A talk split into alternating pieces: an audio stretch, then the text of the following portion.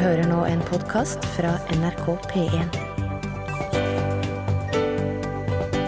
nrk.no skråstrek podkast.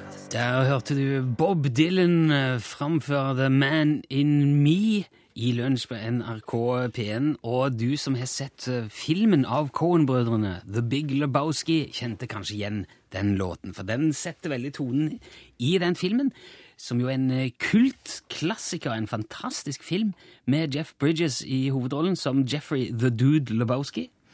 Og det du kanskje ikke visste, er at den filmen òg har avstedkommet en eh, egen religion som heter dudismen. Og det er per i dag angivelig den saktest voksende religionen i verden. Så hvis du har lyst til å bli som the dude, så kan du gå på dudeism.com og melde deg inn. Kanskje ikke de helst vil at du skal gjøre det, men du, de har i hvert fall en nettside. Eh, og det var på en måte litt sånn toneangivende for dagens sending.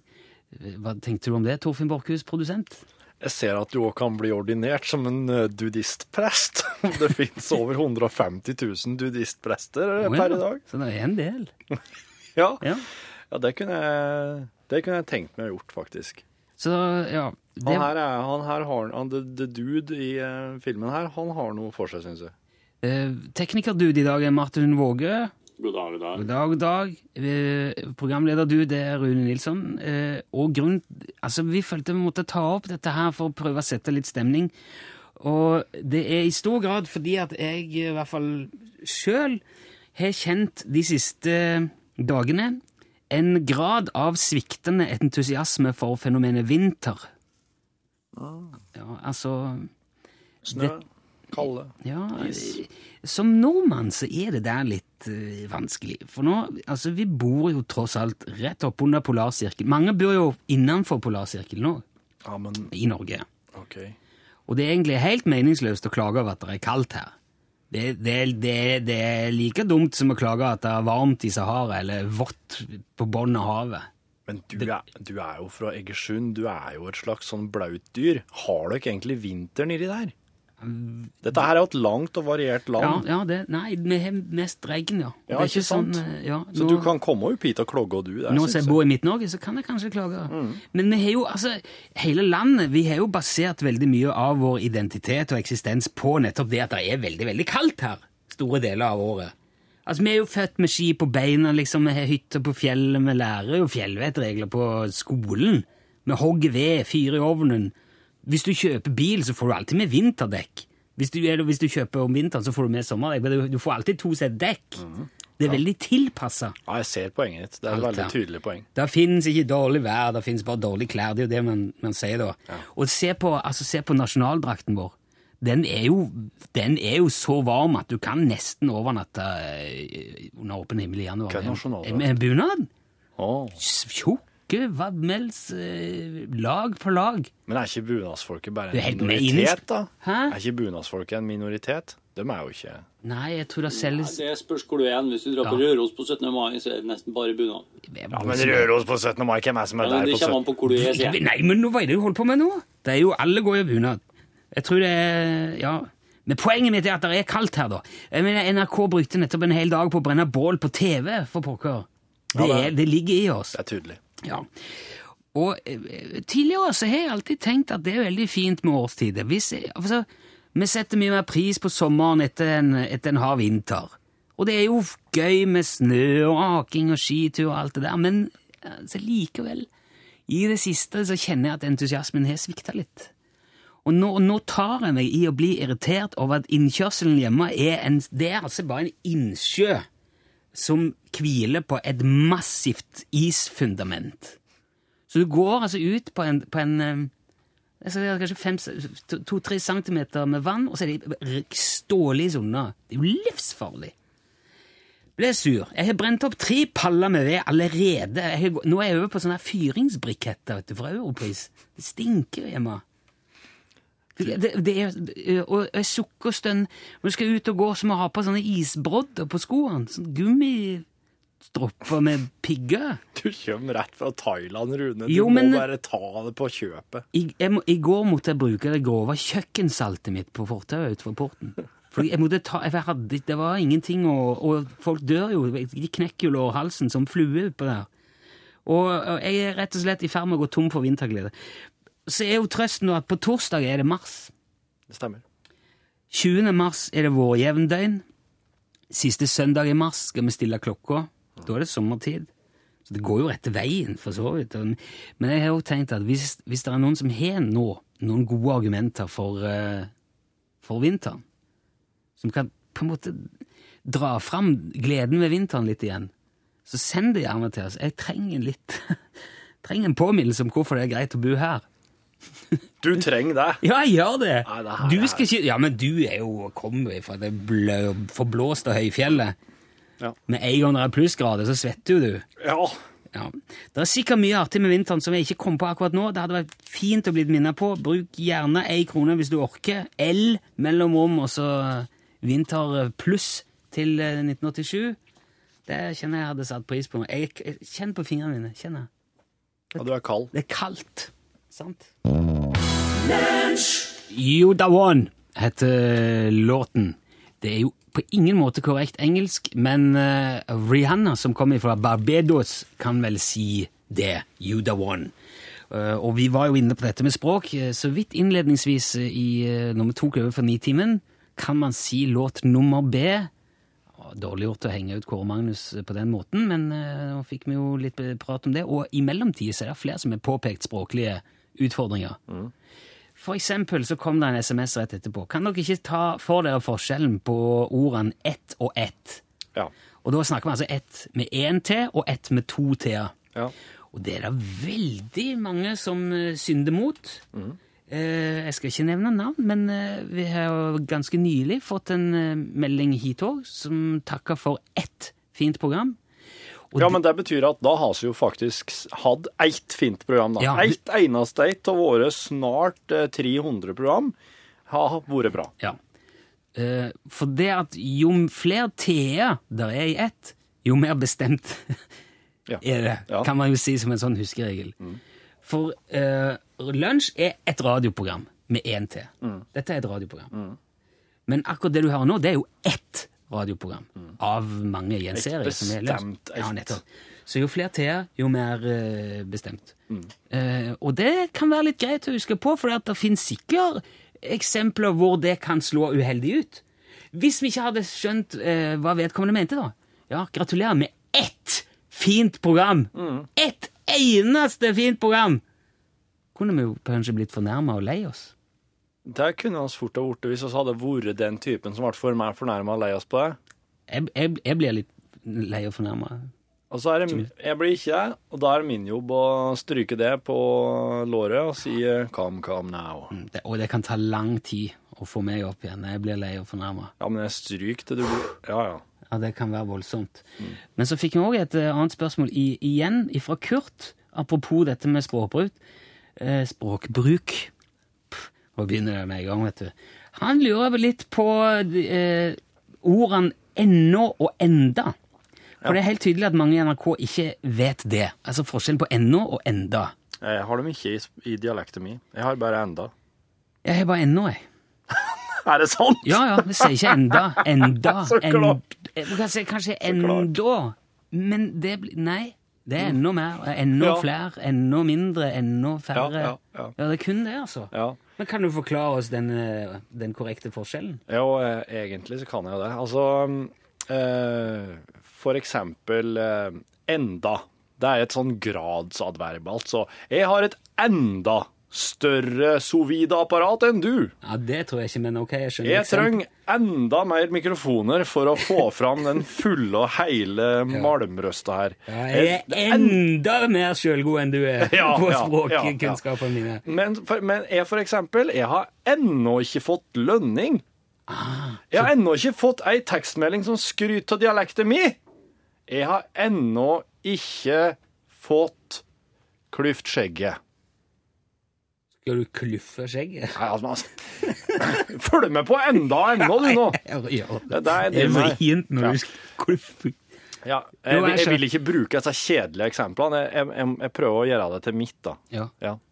Så jeg har, så har ennå ikke. en, Da er, det tids, da er det tida det går på. Ja. Og- enda er mengde, En, ja, ennå er tid. ja. Ah, Som en fin- grunnregel. Jeg husker. Da og når jeg har ikke dialekten min. Alt er bare når, når, når. Den gang da, hver gang når. Jeg veit det, men jeg har det ikke. Du kan ikke si når Titanic sank. Nei, altså, For det- for Hvis han hadde sukket hver dag Ja. Du kan ikke si når eh, Neil Armstrong gikk på månen for første gang. Nei, han kan ikke Nei, for det kan han bare gjøre en gang. Du må si da Neil gikk på månen. for Men du første gang. skjønner det. Når Neil Young gikk på månen Når Neil Young gikk på månen, hører du. Når Neil Armstrong gikk på månen. Young, ja. Ja, nå skjønte du det. Ja, ja, ja. Ja. ja det, det var ei felle. Men du skjønner hva jeg mener. Ok. Men da har vi greid ut for det norske språk. Det var litt greit å få gjort det på en helt vanlig onsdag. Jeg er klar over at det er onsdag, at det er ikke mars før fredag. Det var òg en feil, men det blir noe helt annet. Kanskje du behøver noen. Det sang CC Cowboys for deg i lunsj på NRK P1. Jeg etterlyst litt gode argumenter for, eh, for vinteren. Ja, du, ja. Ja, jeg, ja. Jeg, ja.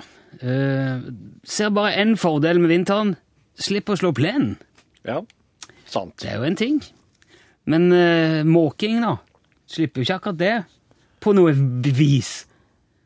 Og det er, for- med mindre du har snø... Jeg har så liten tomt at jeg kan ikke ha Men du, snøfreser. så jeg- du, du, nå får du pluss for vinteren. Ja. Nå må ikke du drive og imøtegå Ja, i ja. det med minus. Nei, jeg skal ikke gjøre det. Ta en pluss nå og prøv å tenke litt på pluss. Om vinteren slipper vi knott og flue og veps og humle og bi og maur og flått, skriver Odd Magne.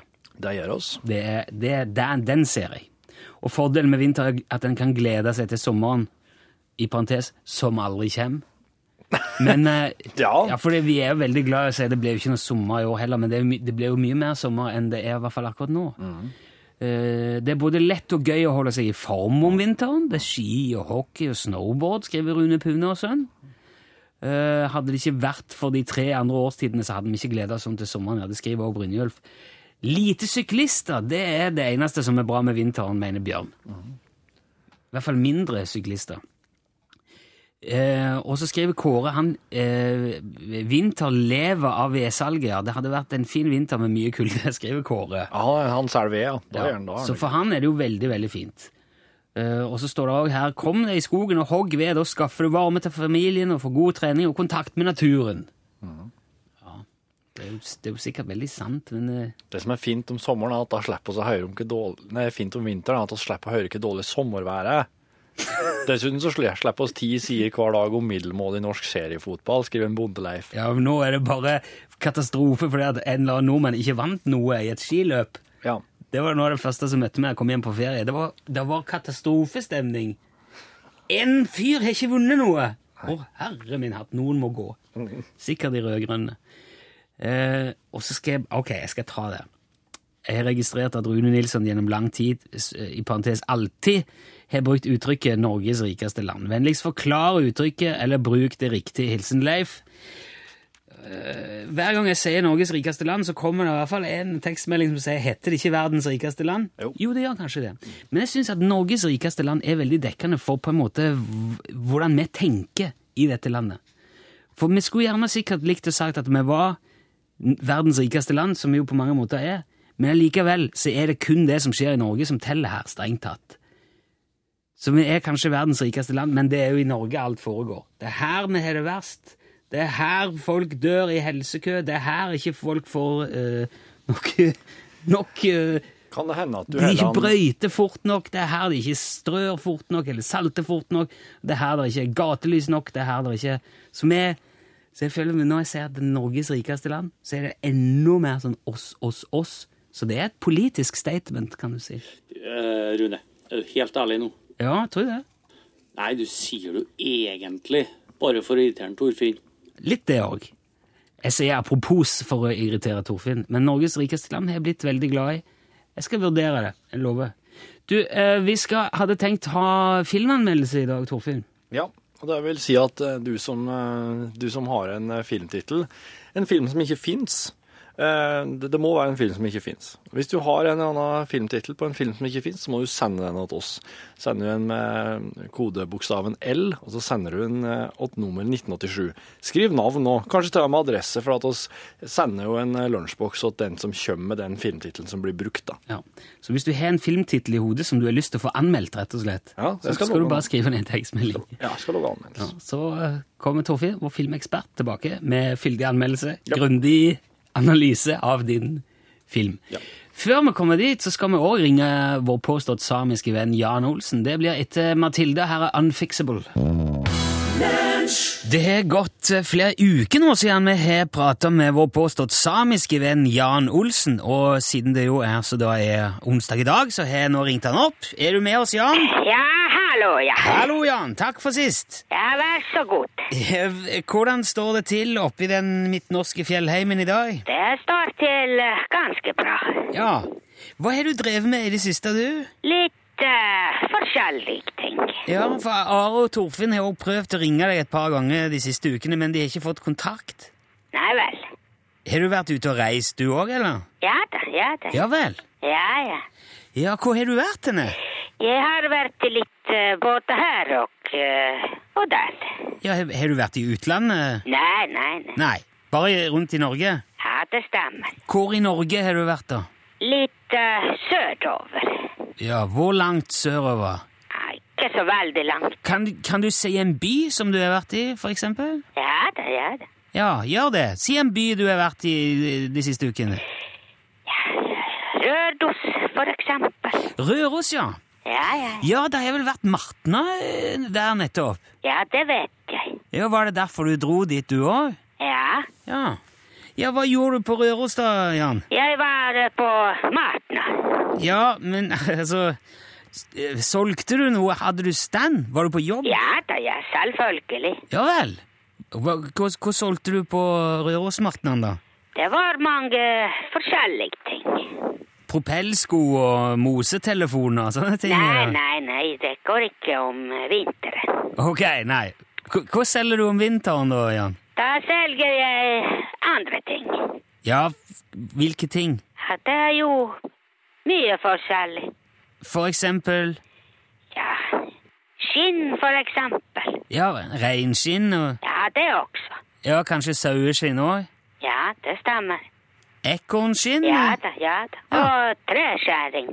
Ja vel. Og eh, glass og propan og solbriller og sandaler og blokkfløyter og bevermuffer og masse forskjellige ting. Ja, F men fikk du solgt noe? Ja da, ja da. ja. Ja, ja. Hva- var det det gikk mest av i år, da? Istelefoner. Istelefon? Det stemmer. ja. Å ja, ikke er det noe nytt du har begynt med, da? Nei, det er gammelt. Ja, men altså, hvordan virker det? Det virker veldig bra. Ja, men, men er, det, er det samme prinsipp som med mosetelefonen? Nei, det er ikke sammen. Nei. Hva er det som er forskjellen på en mosetelefon og en istelefon, da? Uh, mosetelefon er eh, laget av eh, mose. Ja, men Og uh, istelefonen er laget av eh, is. Det er veldig stor forskjell på mose og eh, is. jeg, jeg er klar over det. Men øh, er det altså Man kan ikke snakke så lenge i uh, istelefonene. Nei vel? Nei, nei, Hvorfor ikke det? for da smelter den. Ja, selvfølgelig. Ja, det må være kaldt. Ja. Men det er jo ofte veldig kaldt på Røros, da. Ja da. Ja. Jeg kjenner at jeg har veldig lyst til å spørre hvordan den der uh, istelefonen virker, men så er jeg litt usikker på om det er så lurt òg. Ja vel. For ja, det kan jo fort ta litt tid å finne ut av. Nei, det tar ikke lang tid. Nei vel? Nei. Ja, hvordan virker den, da? Som en uh, telefon. Ja, som man kan ringe med Ja da, man kan ringe den. Men er er det da på samme måte som det er med mosetelefonen? Sånn, altså at du må at du må stå i nærheten, og at det egentlig går like fint å prate uten telefon? Ja. Ja, ok, Så det er egentlig ikke noe telefon, dette heller? Jo da, det er telefon. Men, men, han, men han virker ikke som en telefon? Nei vel. Nei, jeg spør, kan, altså Kan man slå et nummer, se til hvem som helst i verden, og så ringer de med istelefonen? Den rekker ikke så veldig langt, nei. Nei. Så det, det er egentlig bare en ismodell av en telefon, da. Tja, kanskje det. Ja. Så det er jo Men det var, det var altså bestselgeren det på Rørosmartnan? Ja da, ja da, vel. Ja vel. Hvor mange solgte du? da? Ganske mange. Ja, mer enn 100? Nei, nei, nei. Nei, mer enn 10? Kanskje litt mer enn det. Ja, hva det 11? Ja, det stemmer. 11? 11 istelefoner? Ja da. ja, men de må vel kjøpe nye til neste år, så jeg regner med du får sikkert solgt flere. Det, det er jo et fornuftig marked. Nei, det er ikke du, Man kan legge den bare i fryseboksen, du. Ok, ja, det er et godt tips. Ja da, ja. Ja, ok. Eh, Vet du, Jan Olsen, jeg skal ikke forstyrre deg mer. Du har sikkert telefoner og lager og skinn og flå. Du skal ha takk for praten, eh, Jan. Det var hyggelig etter gammelt. Ja, det var Vær så god. Ok, ha det bra, Ja, Jan. ha det bra. Hei, Hei, hei. ja. Violet Road sammen med Åge Aleksandersen. Last Days in India. Livsfarlig å gå løs på språklige feller på radioen. Ja. For eh, i, i, rett rundt i samme bøle så snakker vi om eh, hva som er bra med vinteren. Eh, det er ikke syklister, er det noen som skriver. Så sier jeg, ja, det er i hvert fall mindre syklister. Ja. Det er jo ikke mindre syklister, de er færre. De er ikke mindre. Ja, og jeg tar Jeg legger meg så flat som jeg kan. Ja. Og eh, hodet ruller her, og jeg skal gå. Det blir, Så- mindre, det blir mindre knott og mygg og kveks og alt sånt. Altså. jeg gjør ikke det. da. Det blir ikke mindre, de blir faktisk mye større, men de ja. Det blir det. Nei, det blir jo ikke altså, de, de, Der er færre om Færre. vinteren. færre. Ok, mindre, færre. Det er greit, jeg må ha avklart det. Nå, skal, nå blir det filmanmeldelse her.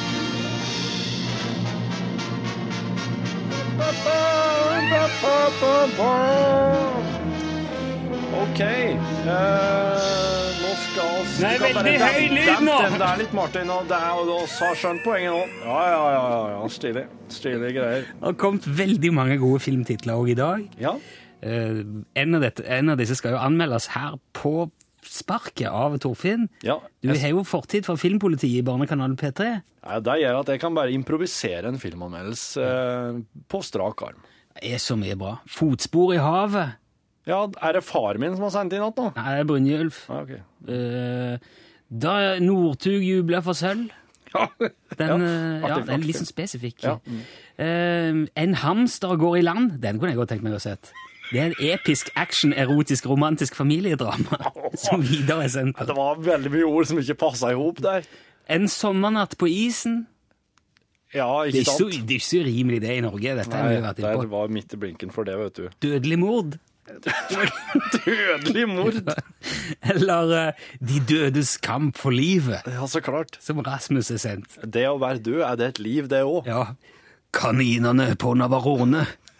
Kaninene.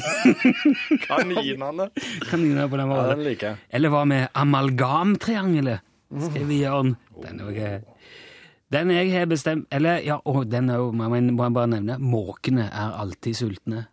Å, fy fader, den høres skummel ut, ja. Det er Jeg, litt sånn fuglene, det. Jeg har valgt, valgt ut en filmtittel Tettel? En filmtittel. Er du klar? Ja. Dette er da den filmen du skal anmelde nå, Ja, Torfinn. ja. Det veks ikke dragefrukt i Suldal. Det veks ikke dragefrukt Frukt? OK, jeg må bare skrive I det. Suldal. I Suldal. OK. Da foregår det slik at jeg bare setter i gang nå. Eh, Når vi har litt sånn eh, lydinnslag underveis, så vil jeg at du skal være med, Rune. Ok, så skal vi Og, spi- ja. ja. Mm. Ok, så nå er, nå er det filmen Du får nå en anmeldelse av den eh, så langt uproduserte filmen Det veks ikke dagefrukt i Suldal. Det vokser ikke dragefrukt i Suldal er en spennende eh, actionfilm som jeg har venta lenge på fra regissør Seremoni Ratlak. Den er engasjerende, den inneholder noe som alle oss bryr oss om. Dragefrukt og Distrikts-Norges i framtid her som en stor fruktprodusent og representert av det enorme firmaet Suldal Import AS. Og skal nå høre et kort eh, utdrag fra en innledende scene i filmen der hele problemet til filmskaper eh, Ratnes blir presentert. Ja, du sier du vil ha dragefrukt. Men det vokser ikke her. Jeg har sagt det gang på gang. Du kan ikke trylle fram frukt. Det må vokse ut av jordsmonnet. Men jeg mener at hvis jeg kan få sett han djupt nok, så vil han vokse fram, og han vil vokse seg større og sterkere enn all annen dragefrukt i hele landet. Jeg har sagt det til deg siden du var guttunge. Det er ikke dybden det kommer an på. Det er jordsmonnet. Om så skal være, skal jeg forandre hele jordsmonnet, mor. Nei, du kan ikke! Og Du kan ikke! Ja, det sværer jeg på! Av skuespillerinnsatsen i uh, Det fikk ikke dragfrukt i Suldal, så vil jeg spesielt framheve uh, sjølve frukthandleren sjøl, uh, fruktbonden. Eh, Raimond Vekshus. Han, en, han blir spilt av Kjell Ove Kjotnesen, og han er helt spesiell tilstedeværelse i kamera. Eh, mora, til, kjø, kjø, mora til han fyren her blir spilt av Kjellrun Oberskoven. Overskoven. Eh, hun gjør òg en solid innsats, men klarer ikke helt å, eh, å være troverdig som mor. Og så kan hun hoppe inn i en seinere sekvens i filmen der du skal få eh, høre hva som skjer når eh, Kjotnesen prøver å ta all jorda fra nabokommunen. Jeg må fika! Jeg skal ha jordsmonnet deres! Kom med det! Jeg sprenger og river dere i filler! Jeg skal jage deg ifra heinetomta som jeg har jaga far din ifra heinetomta. Som jeg har jaga farfaren din, som jeg har jaga oldefaren din. Hele slekta di har vært her og prøvd å ta tomta mi. Aldri mer, har jeg sagt til deg, og det sier jeg til deg òg. Det vokser ikke dragefrukt. I Suldal er det òg en ekstremt fin eh, fargepalett. Bilde og fotografi er nydelig komponert. Det er i hele tatt en vanvittig fin presentasjon oss får av den vesle, idylliske eh, vestlandsbygda Suldal, og jeg har lyst til å se mer. Nå skal vi høre siste utdrag fra filmen, der, eh, der eh, fruktbonden møter ei jente fra nabokommunen. Jeg, eh, jeg ser attende og angrer meg for alt jeg har gjort. Jeg mente ikke å rasere kommunen din og gården og slekta di der jeg har bodd i generasjoner. Jeg håper du kan tilgi meg. Jeg kan tilgi, men jeg kan aldri glemme. Jeg veit, en kan ikke glemme urett gjort i fruktens navn. Konklusjonen må bli at eh, det vokser ikke dragefrukt i Suldal, er å anbefale for alle som har eh, interesse for frukt, og alle som eh, har smakt frukt noen gang, eller som lurer på å gjøre det. Stort publikum, med andre ord. Kjempe, ja, den, eh, det her, her var bra bruk av støttemidler. Terningkast? Terningkast fem, som vanlig. oi, oi. Det var Halvdan Sivertsen det med varm kakao, fjernkontrollen og Fantomet og en liten konjakk. Det står ikke i tittelen, men det var jo med. Når han sier det til slutt slik, så, så er den ganske bety den er til betydning. Når han legger den til der på slutten. Vesentlig. Ja. Ja. I dag uh, fikk jeg en e-post. Jeg tror veldig mange i NRK har fått den e-posten i dag. Eh, det står her kjæd, Det står rekunde, kunde. Fordi at vedkommende har ikke æ i uh, tastaturet sitt, antagelig. I henhold til skatteberegningene som er an... Det siste inntekts... Har vi fast at du er berettiget til motta en sendangivelse av 647 kroner 21 NOKR. Vennligst fyll ut og send dette skjemaet for punkt behandle.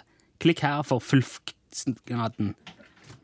Uh, selvangivelse og la oss tre til ni virkedager. Skatteetaten og tollvesenet skattekort. Ja. Jeg syns det er så sjarmerende. Det er rett og slett søtt.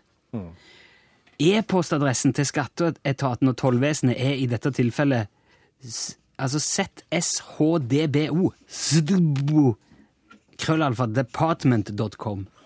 Det er Ja. der de holder til. Og hvis du klikker deg inn for å fullføre søknaden, så kommer du til user 236 ims few edu 2 cchtml. Det er ikke adresse du bare går inn på. Nei, det, fall, det, det virker litt søkt at skatteetaten skal drive på den visen. Det er nesten så man får lyst til å sette seg Hvis jeg hadde fått tak i vedkommende, Ja. så tror jeg jeg hadde lyst til å sette meg ned og sagt Neimen, Skal du prøve å svindle litt, du, da? Nei, så gøy! Du, er så søt, så artig for det. Se her! Så har jeg tatt det, jeg har tatt det i lommen, så jeg sier Se her, jeg tror jeg har Ja, her har jeg ei krone, så du kan ta den. Du kan svindle med for den. ja! Bare svindle. Nei, så søt. Og samtidig så må jeg si det, at de som går på denne her, Ja. de fortjener å bli lurt. Når, det er, når ting virker helt hinsides meningsløst, tullete og latterlig, så er det som oftest helt meningsløst, tullete og latterlig. Ta med deg den inn i onsdagen, du, Pål Plassen. Ja, takk for det. Har du vært og fylt ut skjemaet, du, kanskje? Nei. Nei, det var bra. Men jeg har heller ikke fått den der. Oi, du kan få min. Ja, Så fint, da, så jeg kan få en kopi av den. Ja, bra. Hva har du tenkt å fylle norgesglasset med i dag, Pål Plassen? Jo, du kjenner jo min nerdete interesse for historie, særlig da omkring andre verdenskrig. Og eh, jeg blir jo så glad i det jeg får prate om de her temaene, eh, som jeg syns er ekstra spennende. Og i dag så skal jeg få besøk av en eh, veldig spennende dame som kan fortelle mer om riksdagsbrannen som skjedde for 80 år siden på dagen i dag. Oh. Og riksdagsbrannen, skjønner du, det var på en måte påskuddet på mange måter for at Hitler kunne starte sine grusomheter før andre verdenskrig. Det starta jo i Tyskland og spreddes utover. Men så er jo spørsmålet, og det hadde vært hele tida, var det han som ble henrettet som gjorde det, eller var det noen andre? Mest sannsynlig så var det ikke han som gjorde det. Kanskje nazistene sjøl. Eh, tyskerne blir aldri ferdig med andre verdenskrig, eh, slik som heller ikke Europa blir. Eh, og eh, nå skal en sette i gang en ny etterforskning av det her. wow. Og det skal vi få høre mer om i Norgesklasse i dag. Spennende greier, du. Nå er, nå er jeg startet. Har du det? Ja. Jeg, sa, jeg bare sa at jeg orker ikke våkne og høre Walk of Life med Dire Straits. Den der forferdelige må med Harpo. Eh, og all ære til produsenten i P1, men, eh, men det er noen av låtene som burde vært kassert for lenge siden. Og, eh, og eh, Eller gjerne tatt frem en gang i år. Men når du først er i den der rullen, så kommer de jo igjen og igjen. Og, du, Ja. og jeg, jeg, sitter, jeg, må, jeg hører på lokalsendingene der jeg bor. For å få med meg trafikken om morgenen for å høre om det er noe nytt, om noen har falt ned fra et tre eller et eller annet. ikke sant? Og så kommer det der Et helvetes walk of life, altså. Du, du hører altså stemmen til Atle Nilsen, som er på besøk hos oss i dag. Dette er podkastbonusen. Veldig hyggelig å ha deg her, Atle. Kjekt å være her, Rune. Vi har jo, du har jo besøkt oss før i forbindelse med den utmerkede boken oh, ja, 'Elvis likte ikke fisk' Ja, ja, ja. Og 999 andre ting du ikke trenger å vite.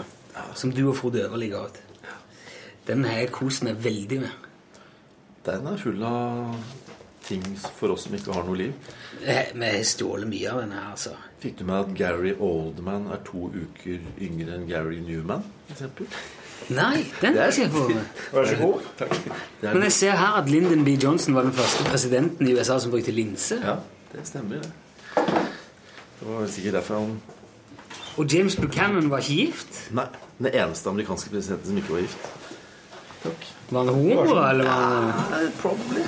Men jeg vet ikke hvordan, eh, om det hadde gått i dag, egentlig. Eller Jeg tror du må ha med deg en sånn dame som kan stå ved siden av og vinke. Jeg gleder meg så til den neste Altså, nå er det jo Lincoln som tar all plass, Ja, og som vant hovedrolle beste Lincoln er eh, fremstilt på film 138 ganger, tror jeg, med den siste.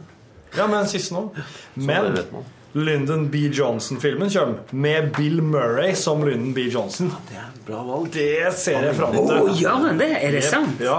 Wow. Og Are har jo, når du var på ferie nå, Rune, så har jo Are hatt en Lyndon B. Johnson-spesial.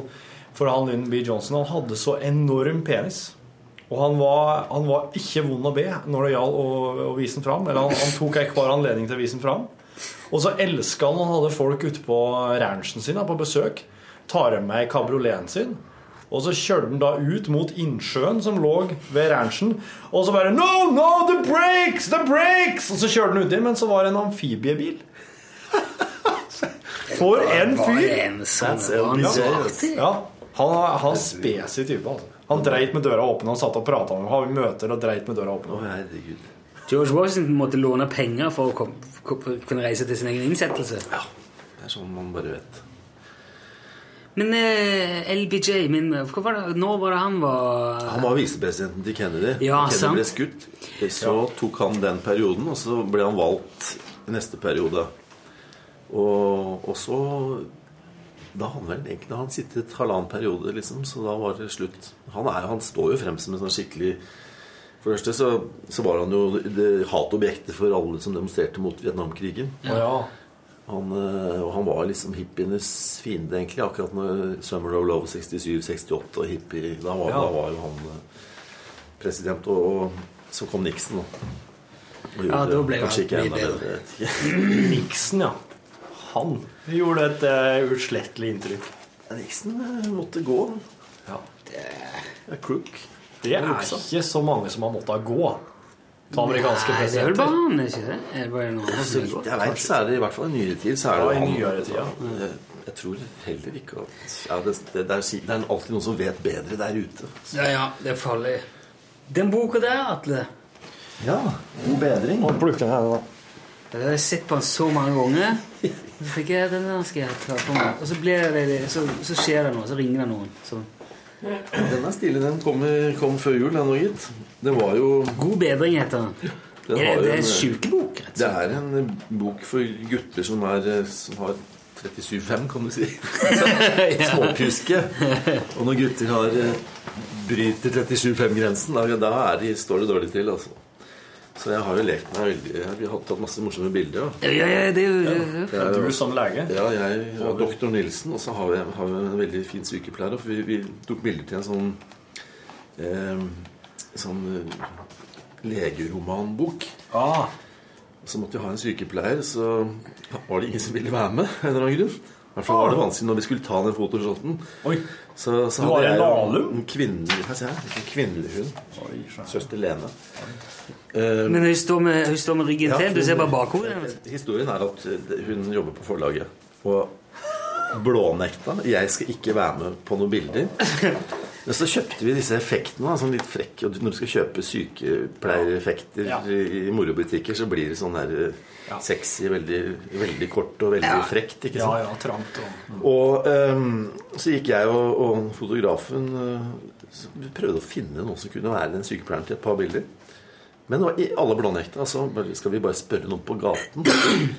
Og det blir sånn Hei, kunne du tenke deg å ta på deg den uniformen og bli med opp i leiligheten her og ta noen bilder? det gikk ikke. Det er veldig, veldig bra. Du ser veldig glad ut her, Jeg på har det jo bildet. søster Lene i armene mine. Det er- Men du, du kler egentlig ganske bra å være litt sånn doktor, da. jeg var eh, Men du har, har du smakt Doktor Nilsens bitter? Jeg har smakt noe som heter, heter Doktor Nilsens bitter. Ja. Jeg mener det er Dr. Nilsens bitter, ja. Som er sånn i stedet for Det er jo å foreskrive alle pasientene. Ja, ja. Ja, det, det skal jeg pinadø gjøre. Nei, den er morsom, morsom den boken der. Altså, den er, vi, hadde, vi hadde veldig mye moro med det. Vi, eh, så slo jo en eller annen djevel til da, mens vi lagde den. Fordi jeg var i, jeg bor i Bergen, og så var jeg i Oslo sammen med forleggeren for å, for å Det er kult ja, det er sunt å være syk av og til. Jeg er veldig fornøyd, Nilsen. ja. Og der leser du hytteboken. Den er òg din, ja. ja. Får med litt snikreklame. Nei, men eh, så skulle vi gjøre ferdig boken sånn i augustis, liksom, for vi fikk den ut i god tid. Og så ringer han fra sykehuset. Han åkte inn med hjertetrøbbel. da. Oi. Og var- Ja. Eh, og så eh, så ble jo alt utsatt. Jeg sier vi kan bare utsette, utsette hele dritten. Vi blir frisk. Forgerer bare litt. Ja. Han er veldig involvert som bilderedaktør, og vi, vi gjør mye sammen. ja. Og så han på vei ut. Så smalt det for meg. Da var jeg med en, en uh, ulykke som gjorde at jeg havna på sykehuset. Og da var det min tur. Han, han sendte bilder av maten på Ullevål til meg.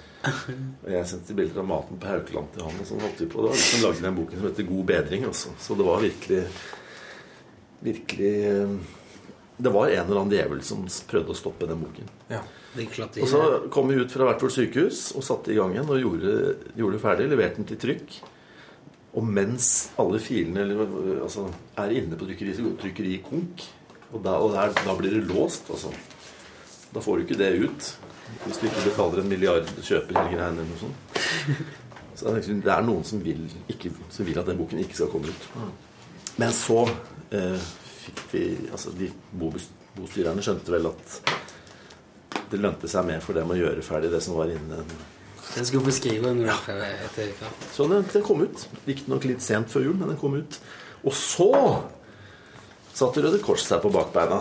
Dette er mellom oss tre, sant? Ja, ja, ja, ja, ja, ingen Sant? Fordi her er det. bildet av et medisinskap. Ja, med et kors, Rødt kors. Kors, fordi er du på medisinskap. Ja, ja. Men eh, Å nei da! Det var nemlig Røde Kors sitt, eh, sin logo. Så det måtte vi slutte med. Så måtte vi lage nytt cover etterpå. Dette er okay, historien den, eh, den, utgaven, den utgaven oss har der, er kjempesjelden. Sier du det? Å, Nei, det er førsteopplaget. Så Men eh, de andre er noe annet? vi har forandret på coveret og lagd et plaster i kryss isteden. Oh, ja. Så er alle, alle, Yes. alle fornøyde. Det syns jeg var rart. Litt Ja, rart. ja, ja, Men, men, ok. Men, men. men du, skal, vi, eh, skal vi få si litt om uh, hva som er Altså hva den opprinnelige tanken er at du stakk innom i dag? Ja, Kan vi gjøre det? Ja, selvfølgelig. Fordi at um, før jul så spilte vi den der julesangen. Deriblant selvfølgelig 'Julekveld i skogen', klassikeren av uh, Astoff Eriksson og Otto Nilsen, kjent fra Søndagsposten, og spilt ja, gjennom veldig mange år, spesielt i NRK.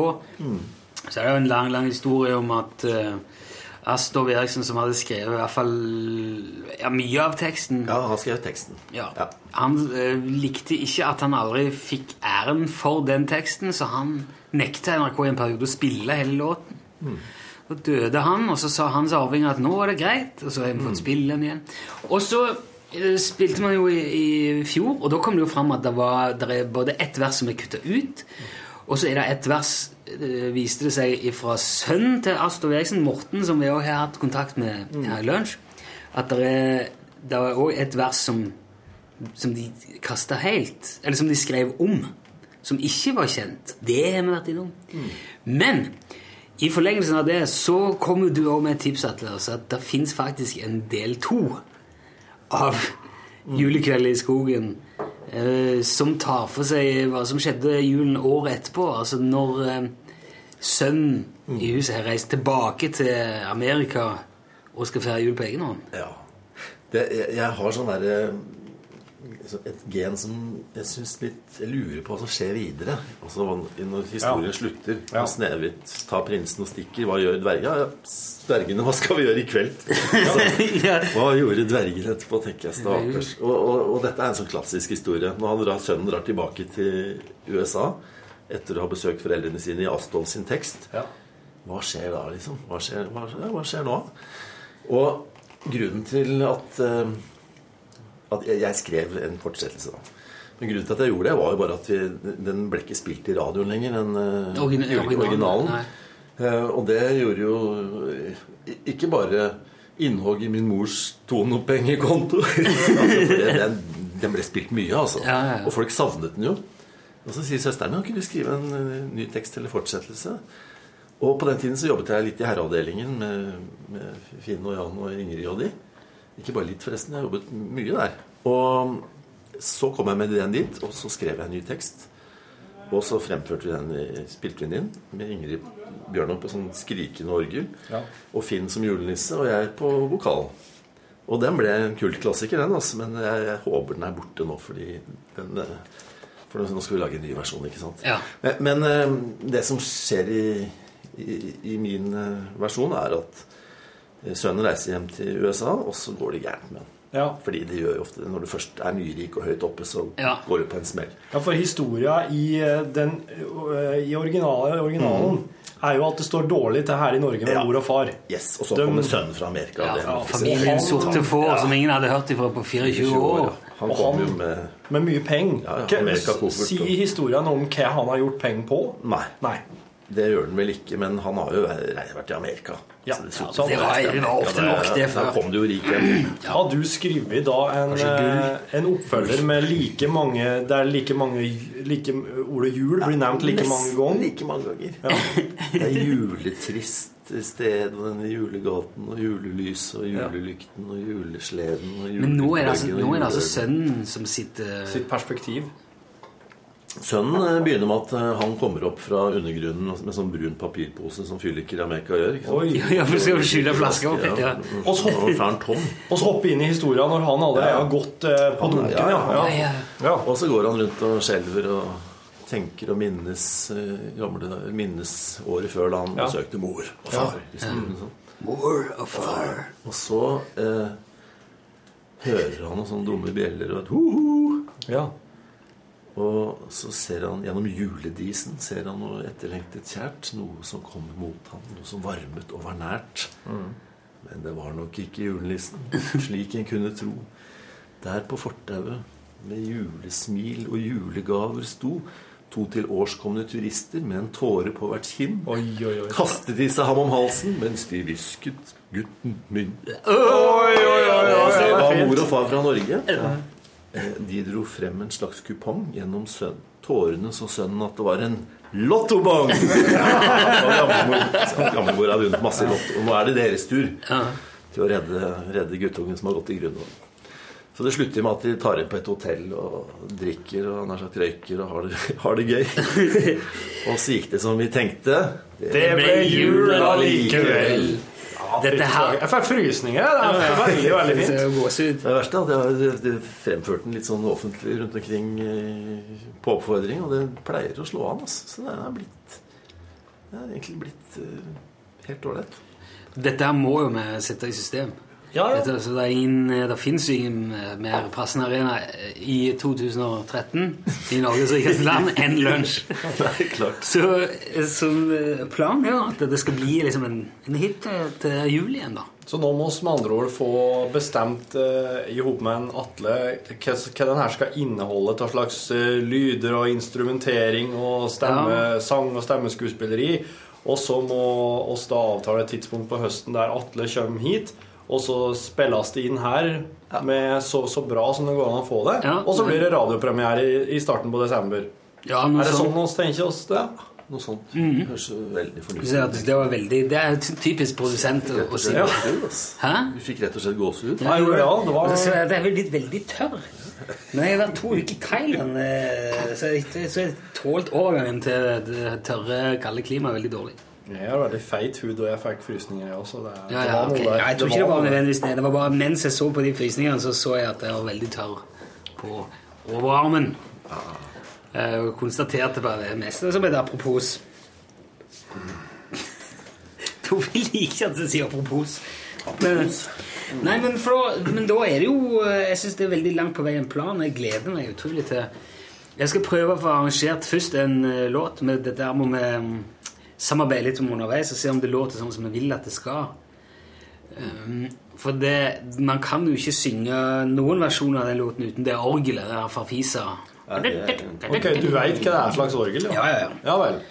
Og jeg, jeg, jeg Var det noen noe de hadde stående i, i Søndagsrevyen studio? Dette her er- Søndagsposten. Søndagsposten, det, det. eh, Det tror jeg ikke jeg skal eh, Vet du noe om hvem som spiller? ja, Det er sikkert Willy Andresen. Jeg skal ikke si det for sikkert, men han var veldig med på Han var fatterns og Erik Byes faste Altså fattern Otto eh, og Eriks faste eh, musiker, faste pianist, på veldig, veldig mange år.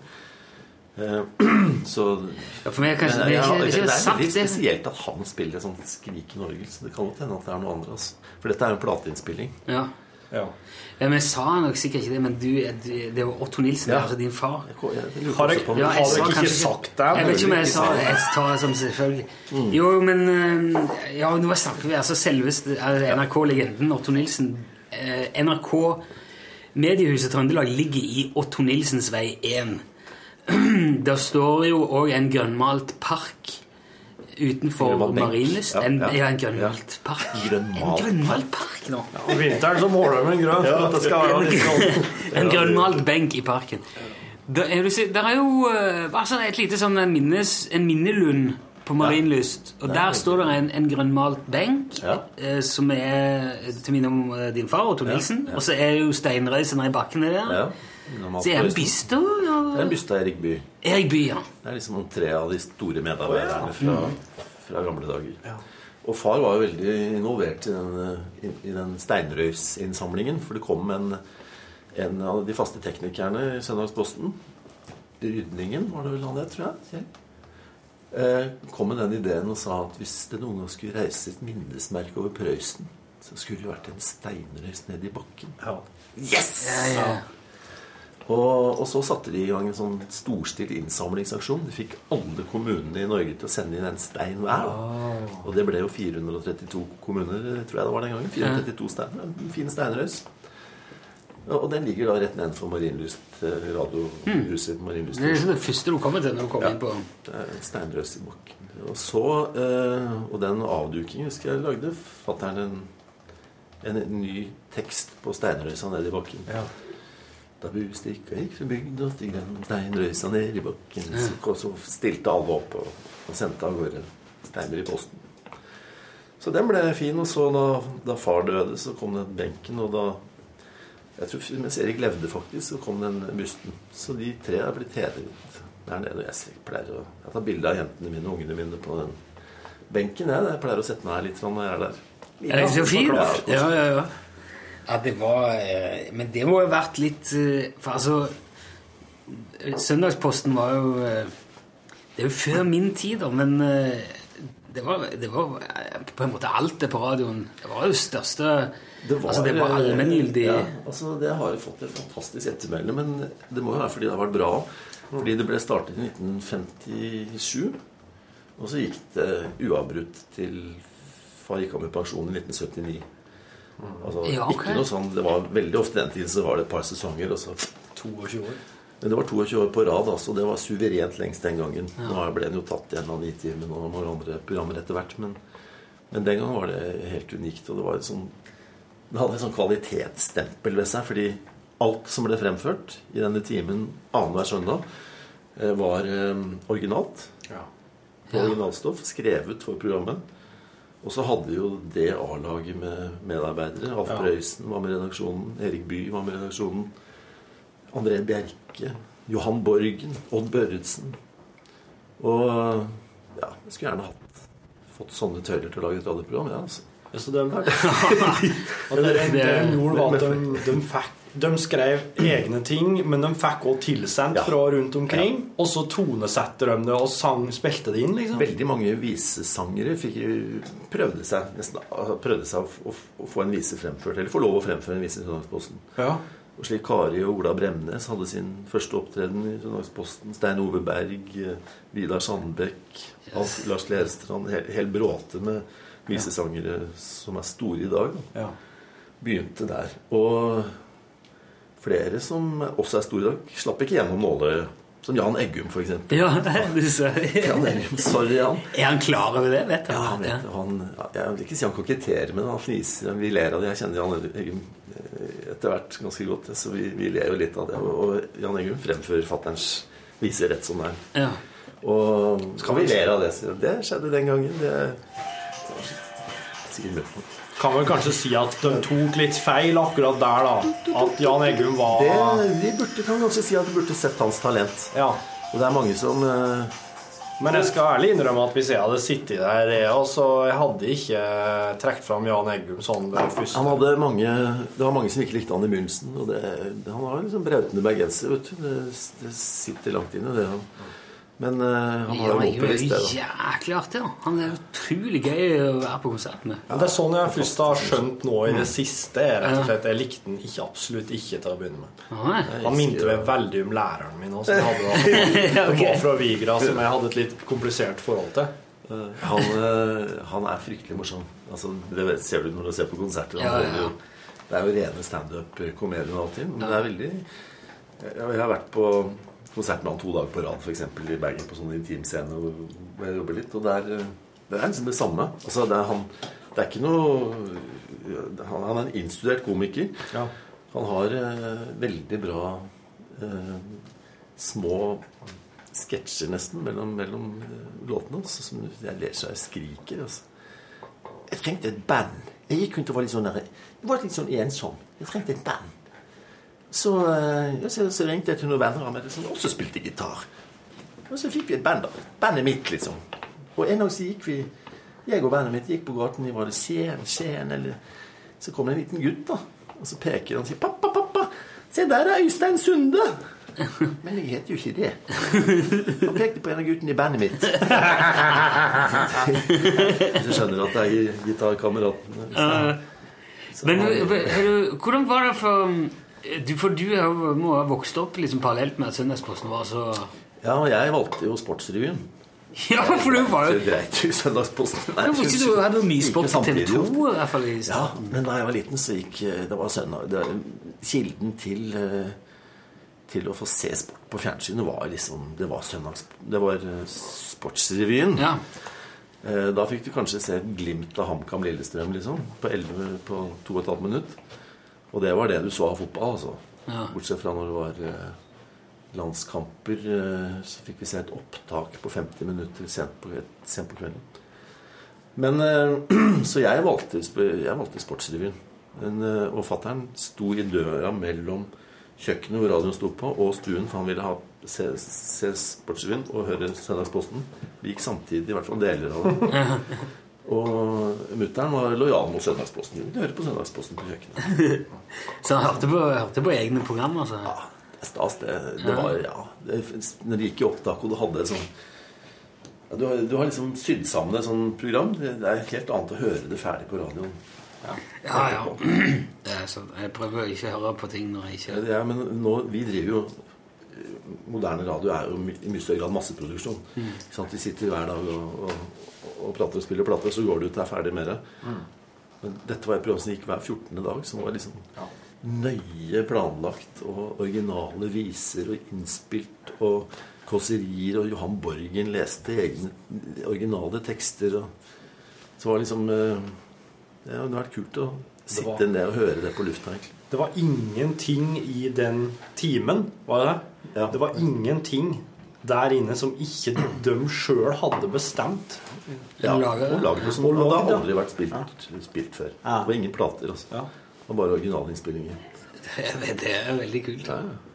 Kanskje vi skulle eh, Men de jobba med andre ting òg samtidig. Ja, fa, De som var- ja da. Fatter'n hadde noe som het Feriemagasinet, blant annet, som gikk om sommeren. Ja. Og så var det jo bidragsyter til Erik Bye, hadde program som het Studio 19, som de også lagde låter til. Hvor eh, en fredag kveld så hadde jo Erik dette Studio 19 som gikk direkte, og, og Prøysen hadde lovet en, en ny uh, låt, eller en ny vise, til det programmet. Og så han klorte ned noe med at det var en liten gutt som gikk og gret og var så lei. Og, Og så, sånn, men så Han hadde en sånn gjeng med visediktere, med, med låtskrivere, melodimakere, Prøysen. Ja. Eh, Finn Luth, eh, Bjarne Amdal, blant annet. Og, og så fikk han ikke tak i noe av dem. Så kommer han til fatter'n. 'Du må lage en melodi til denne her.' Ja, men er det ikke en, en, en komponist i huset? sa far. Nei, det var ikke det. Du må lage hvis den skal på i kveld. Så fikk han 'Du skal få en dag i morgen' i, i fanget. vi, Han skal på i kveld. Ja, og så skrev altså fattern eh, skrev melodien til 'Du skal få en dag i morgen' på, på et par ettermiddagstimer. Til Erik Byes program. For Alf Prøysen. Så, sånn jobba vi. går gåsehud igjen nå. Ja, ja. Dæven. Tenk den det. er, det er et bra ettermæle, syns jeg. det har jeg ikke tenkt over at den har eh, melodi. eh, Nei. Prøysen skrev ikke melodier, han skrev eh, Gjorde den ikke? Nei. Det kan godt være noe han slenger, men stort sett så konsentrerte han seg om teksten. Det her, er det Han koketterte litt, med, altså, han, han koketterte litt med at han ikke var så flink til å spille gitar. At han, Ja. altså, han kunne tre grep og en, slengte på en, eh, en septime innimellom, liksom. Ja, jeg tror jeg kan se to-tre septimer, altså. Ja, kanskje. Ja, Men- Men til å ikke være så øh, god til å skrive melodier, så er han jo avbilda veldig mye med gitar. Ja, ja. Han spilte jo gitar. Men Han det han spilte jo visene sine. Ja, han gjorde det, ja. Ja. ja. Men eh, jeg tror ikke han kan spille 'Du skal få en dag i morgen'. Er Nei. ganske, den er, den Litt er- feil akkorder, det. Ja, det, der er det mye sånn dimmer og sånn som har gjemt seg. Men hva gjorde Prøysen da på kvelden i Studio 19? øh, Da tror jeg de hadde arrangert det for orkester. tester Fytti rakker. Det er Det, det, kan jeg ikke svare på. Nei, Det kunne ingen svare på, fordi eh, programmet gikk direkte, og vekk var det. Ja. ja. Det ble ikke tatt opp. Og det var jo sånn de og, Så de måtte jo sette seg ned. Det var en fin, fin vise, Otto, liksom. og dag uken etter hvordan Så måtte de rekonstruere hele greia. Jeg vet ikke om de hadde kasta kladdearkene eller hva de hadde. Fordi vekk, den var spilt. Spilt var vekk, altså. Wow! ja, slik er Det De klarte, de klarte selvfølgelig å finne tilbake. Jo, jo, det har jeg jo hørt. Men eh, Så de fins ikke i arkivet vårt heller? Ikke de programmene der. Men jeg, jeg, jeg, NRK ønsker å komme i kontakt med noen med god melodisk hukommelse som så Studio 19 på fredag. God melodisk hukommelse! Ta den hatt! Smeg. Dette er- Vi har jo eh, Hvor er det der? eh? Hva vil du ute etter nå? Der, ja. Hvis jeg søker på Søndagsposten Det kan hende at de fins. jo i Radioarkivet. Ja, i ja.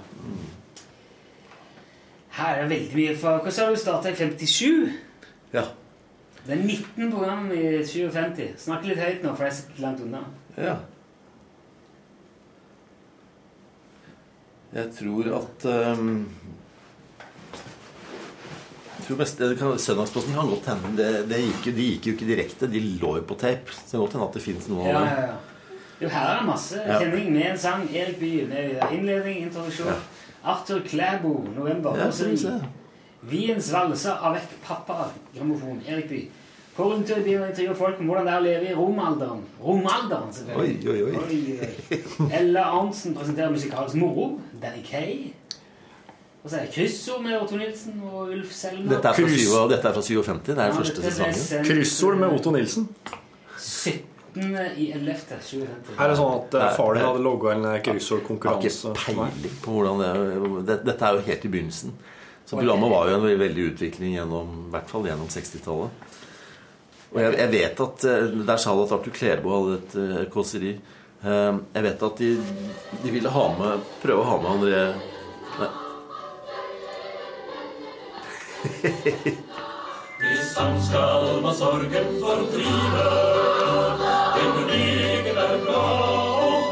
er dette for noe? Jeg er Søndagsposten. Ja, jeg skjønner jo det. Men det var bedre enn Landbrukshalvtimen. Altså, det var hvis du akkompagnert av julehandelens evig Det har du Klerbo, sa han. Hæ? I litteraturen, i delikatessebutikkene Du må ikke spille gammeldags radio, Rune. Det, det er ikke som å vise med et VG fra 1957. Det, er ikke, det blir fort gammelt. Ja, men Ja, ja.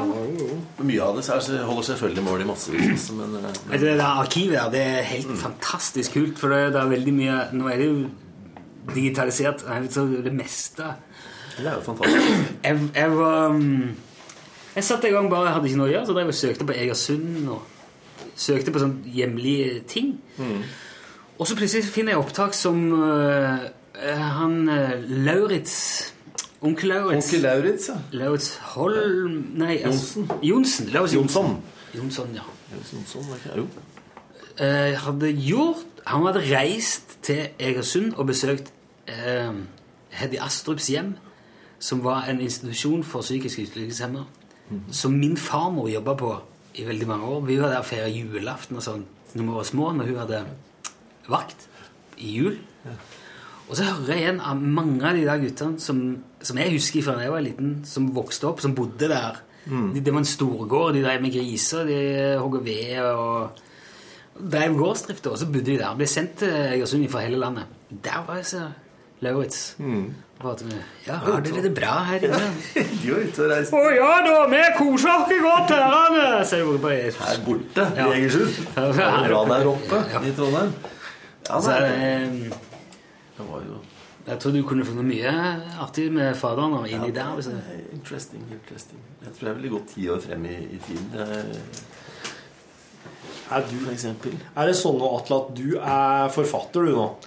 Jeg, jeg kaller meg forfatter og journalist. Jeg driver litt journalistikk. Jeg driver litt på si. jeg jeg, jeg gjør det òg. Jeg har spalter her og der. Og Ja. har litt skri, har litt, litt sånn gjesteskribent her i ja, aviser. Jeg har spalter i diverse eh, aviser og, og blader. Er du skikkelig mye på Face, da? Og skriver ting der? Jeg, eh, jeg er på Facebook. Er ikke skikkelig mye der. Jeg skriver ikke så mye private ting der. Men jeg, jeg runder ligger sånn oppunder 5000 venner. Mange av dem er, mange av dem er eh, gode venner som jeg holder kontakt med, og mange av dem er eh, ikke så gode Fans? Ja, det er blitt litt sånn at jeg bruker litt til sånn Litt som hjemmeside, egentlig. Ja, ja. For å poste det jeg driver med, og hva jeg gjør. Og, Ja. Så sånn er det liksom blitt. Jeg la ned hadde en hjemmeside, en sånn annen hjemmeside før. Ja. Vi har to. Vi har lagt ned. og Det er for mye mekk altså, for en sånn.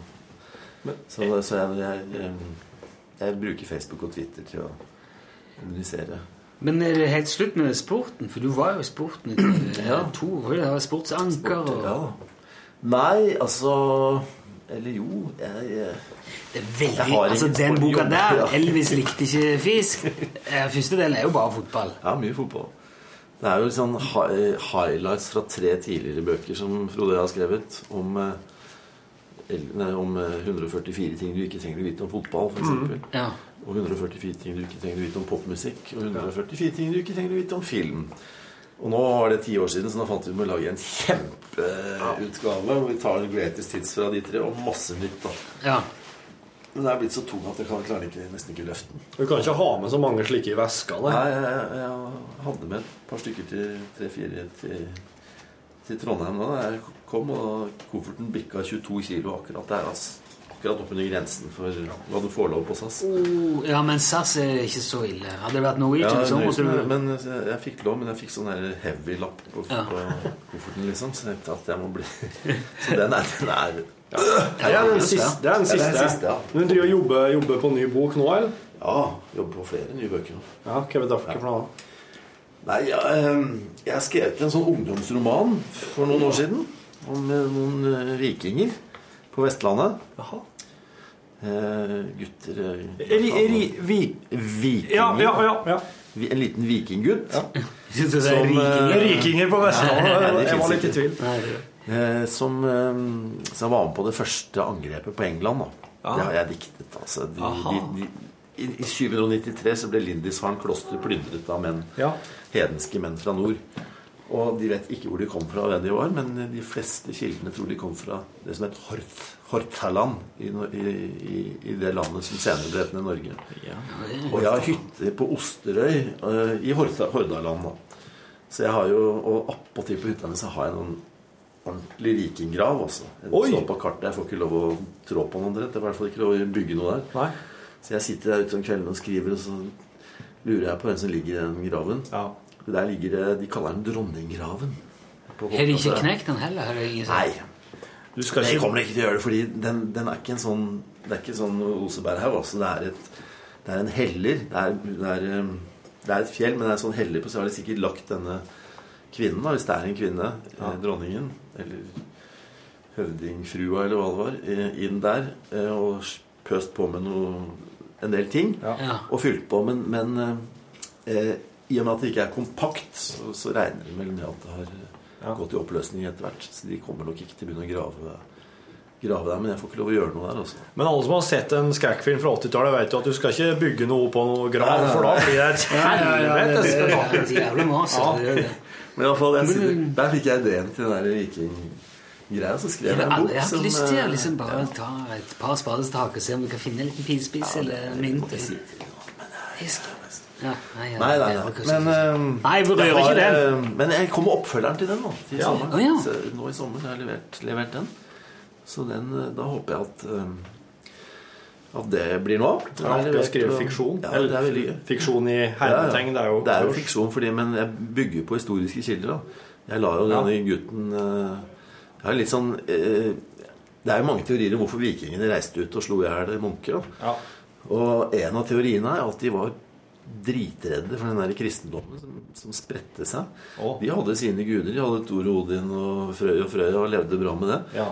Og så kommer det en sint, aggressiv ny gud Ja. som hugger huet av folk og døper dem. Altså de var virkelig Karl den stores uh, kristne her var ikke for småunger, altså. Nei. Nei, jeg synes det De, er de, berettiget de frykt. kom nordover. De tvangsdøpte folk, kristnet dem og hugget huet av dem. Eh, dokumentert at de hugget huet av 5000 mennesker på én dag i den saksiske byen Verden. En gang på slutten av 700-tallet. Nei, på- Ja, slutten av 700-tallet. Og, og i min bok så har vikingene fått høre om det. da Og så lager de sånn der korstog. Ikke korstog, men de reiser over for å ta over roten, for å si det sånn. Det, er jo, det, det utklasser jo lett eh, de jævligste tingene fra andre verdenskrig. eh, Sånne enkelte, Det er ganske- enkelte episoder. Det var jo en brutal tid for all del, og alt det men, men det er jo ganske tøft. da Så i min bok, så er det jo den første boken min, så er det en, en liten dansk jente som, som ser faren sin bli tvangsdøpt og halshugd, og så flykter hun nordover med å fortelle hva som har skjedd. Og hun slår seg ned på Osterøy Ja. og blir helt riktig kjæreste med han gutten som er hovedpersonen, da. og som reiser over.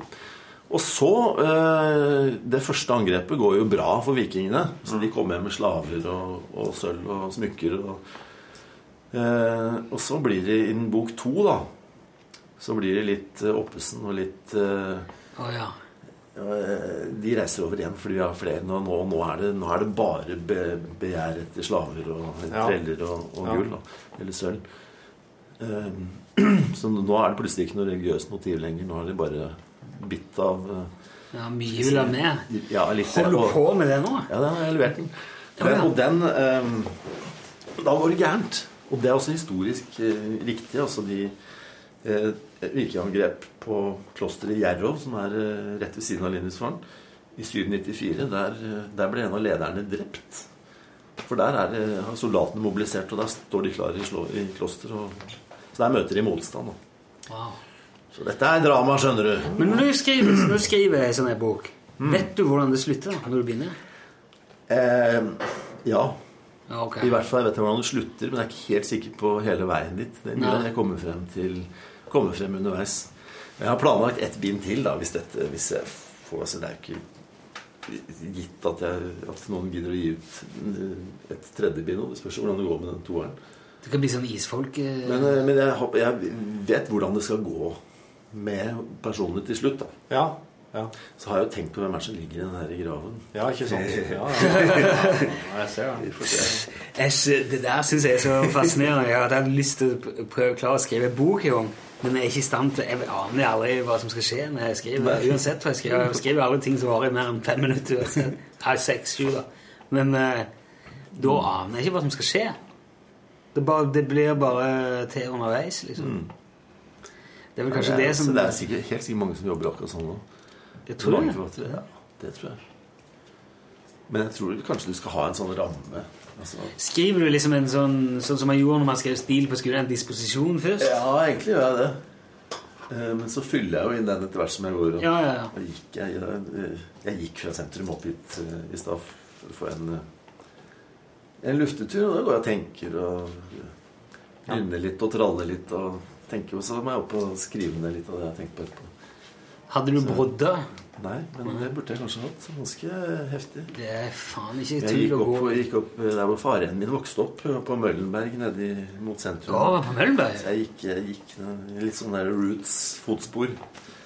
De bodde to forskjellige steder nede på Møllenberg.